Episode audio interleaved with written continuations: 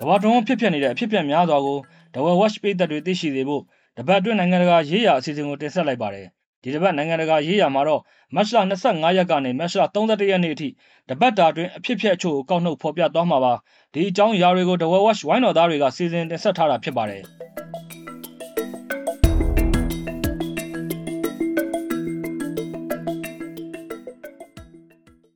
သမရဟောင်းထရန့်ကိုရာဇဝတ်မှုနဲ့တရားစွဲလိုက်ပါတယ်။ အမေရိကန်သမရဟောင်းဒေါ်နယ်ထရန့်ကိုနယူးယောက်ပြည်နယ်တရားရုံးဂျူရီအဖွဲ့ကရာဇဝတ်မှုနဲ့တရားစွဲလိုက်တာပါ။ဒါအမေရိကန်နိုင်ငံတမိုင်းမှာသမရဟောင်းတဦးကိုရာဇဝတ်မှုနဲ့တရားစွဲဆိုတာပထမဆုံးအကြိမ်လည်းဖြစ်ပါတယ်။လိန်ဖြော်ပြေးမင်းသမီး Stormy Daniels ကို Trump ရဲ့ရှစ်နေဖြစ်သူကဒေါ်လာ3,300ပေးခဲ့တာနဲ့ဆက်နွယ်ပြီးတရားစွဲခံရတာပါ။2016ရွေးကောက်ပွဲမတိုင်ခင်လေးမှာနှုတ်ပိတ်ခအနေနဲ့ပေးခဲ့တာလို့ဆွဆွဲထားပါတယ်။ Trump ဘက်ကတော့ငွေပေးချေမှုတွေကငွေညစ်ခံရတာကိုကိုစားပြုတယ်လို့ဆိုထားပြီးသူ့လုပ်ရက်ကမှားယွင်းမှုမရှိဘူးလို့ညှင်းဆိုထားပါတယ်။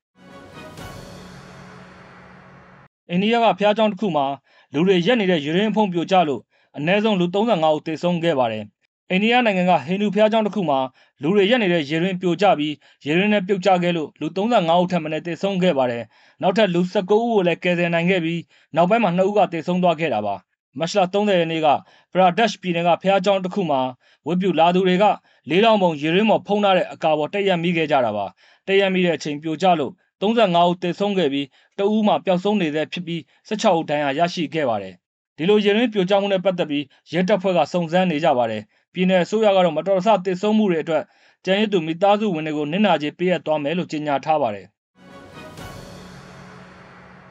အမေရိကန်ကိုထပ်ပြေးခိုလုံနေတဲ့ဘရာဇီးသမ္မတဟောင်းပြည်တော်ပြန်လာပါတယ်။ဘရာဇီးနိုင်ငံရဲ့သမ္မတဟောင်းဂျရက်ဘိုဆိုနာရိုဟာအမေရိကန်နိုင်ငံမှာ3လကြာထွက်ပြေးခိုလုံခဲ့ပြီးနောက်နေရတိုင်းပြည်ကိုပြန်ရောက်လာခဲ့ပါတယ်။ သူဟာလေယာဉ်နဲ့ဘရာဇီးလီးယားမြို့တော်ကိုဆိုက်ရောက်လာခဲ့တာပါ။သူ့ကိုအားပေးထောက်ခံသူတွေကနေဘရာဇီးနိုင်ငံတော်အလံကိုကင်ဆောင်ရင်းတမိုင်းဝင်သူရဲကောင်းလို့ဂုဏ်ပြုဟစ်ကြွေးခဲ့ကြပါတယ်။သူကတော့လက်ရှိသမ္မတကိုစန့်ကျင်မှာဥဆောင်ခဲ့တာမဟုတ်ဘူးလို့ညင်းဆိုထားပါတယ်။မစ္စတာဘော်ဆိုနာရိုဟာသမ္မတလူလာကျန်းသက်စာတင်ဆိုတဲ့ဇန်နဝါရီလထဲမှာဖလော်ရီဒါပြည်နယ်ကိုလေယာဉ်နဲ့ထွက်ခွာသွားခဲ့တာဖြစ်ပါတယ်။သမ္မတလူလာရာထူးလက်ခံယူပြီးတပတ်အကြာမှာအစိုးရအဆောက်အုံတွေကိုစူပူတောင်းကျမ်းသူတွေဝင်ရောက်စီးနှင်အောင် တွေးထုတ်လှုံ့ဆော်ခဲ့သလားဆိုတဲ့အပေါ်စုံစမ်းစစ်ဆေးခံရနိုင်တယ်လို့သိရပါတယ်။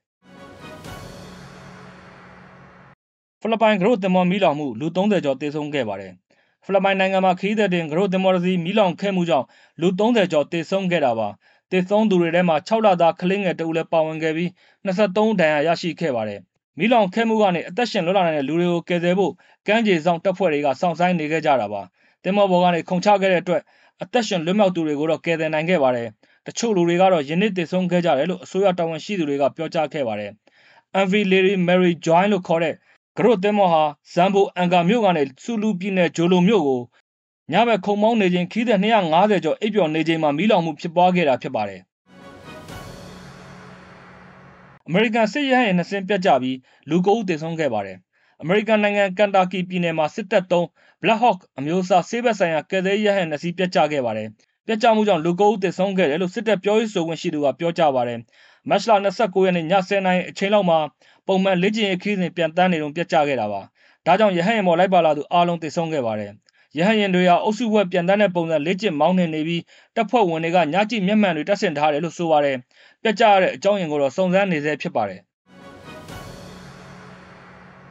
နေတိုးအဖွဲ့ဝင်မှုဖင်လန်ရဲ့လျှောက်ထားချက်ကိုတူရကီကအတည်ပြုလိုက်ပါတယ်။နေတိုးအဖွဲ့ဝင်မှုဖင်လန်နိုင်ငံရဲ့လျှောက်ထားချက်ကိုတူရကီပါလီမန်ကထောက်ခံခဲ့ပြီးနောက်လာပေါင်းများစွာနှောင့်နှေးမှုတွေကိုအဆုံးသတ်စေလိုက်ပါတယ်။မတ်လ30ရက်နေ့ကဖင်လန်နိုင်ငံကိုနေတိုးအဖွဲ့ဝင်ဖြစ်လက်ခံဖို့တူရကီပါလီမန်ကတညီတညွတ်ထဲမဲခွဲဆုံးဖြတ်ခဲ့ကြတာပါ။ဒါကြောင့်အမေရိကန်ဥဆောင်တဲ့အနောက်မဟာမိတ်အုပ်စုရဲ့နယ်နိမိတ်ဟာရုရှားနဲ့ကီလိုမီတာ1300ကျော်ထပ်တိုးလာပြီဖြစ်ပါတယ်။ဖင်လန်နိုင်ငံကိုအဖွဲ့ဝင်ဖြစ်လက်ခံမှာဖြစ်ကြောင်းဟန်ဂေရီကလည်းပြီးခဲ့တဲ့ရက်ပိုင်းမှာပြောကြားထားခဲ့တာပါ။ နောက်ဆုံးနေတိုးအဖွဲ့ဝင်တွေကတူရကီတနိုင်ငံရဲ့ ထောက်ခံမှုကိုပဲရဖို့ လိုအပ်ခဲ့တာဖြစ်ပါတယ်။ဒါကြောင့် ဖင်လန်နိုင်ငံက လာမယ့်ဇွန်လလမှာ ကျင်းပမယ့်နေတိုးထိပ်သီးအစည်းအဝေးမှာ32နိုင်ငံမြောက် အဖွဲ့ဝင်နိုင်ငံ ဖြစ်လာတော့မှာပါ။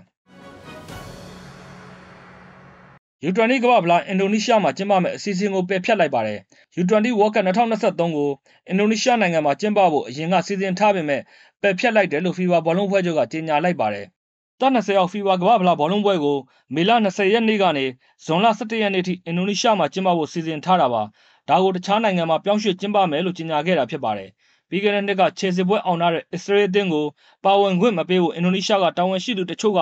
တောင်းဆိုခဲ့ပြီးတဲ့နောက်မှာအခုလိုအခြေအနေဖြစ်လာတာပါလက်ရှိအခြေအနေတွေကြောင့်ဆုံးဖြတ်တာဖြစ်ပေမဲ့ဘာကြောင့်လဲဆိုတာအသေးသေးပြောကြားထားခဲ့တာမျိုးမရှိခဲ့ပါဘူးပြိုင်ပွဲကျင်းပမဲ့နိုင်ငံကိုအများဆုံးပြန်လည်ကြီးညာမှာဖြစ်ပြီးကျင်းပမဲ့ရက်ကိုတော့အပြောင်းလဲမရှိသေးဘူးလို့ပြောကြားထားပါတယ်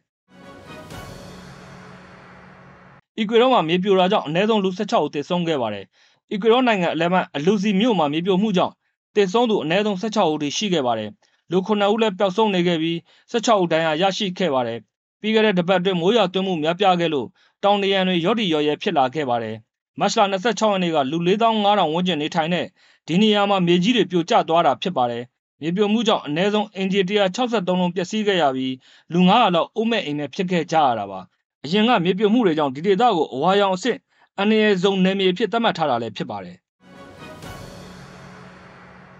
နှစ်2000တက်တန်းရှိတဲ့ပိုက်သားကိုရက်တီရိုရန်ကိုထွိုင်ကိုနော်မထရီနဲ့တက်တည်ပြနိုင်ခဲ့ပါတယ်။နှစ်2000တက်တန်းရှိတဲ့ပိုက်သားကိုရက်တီရိုရန်ကို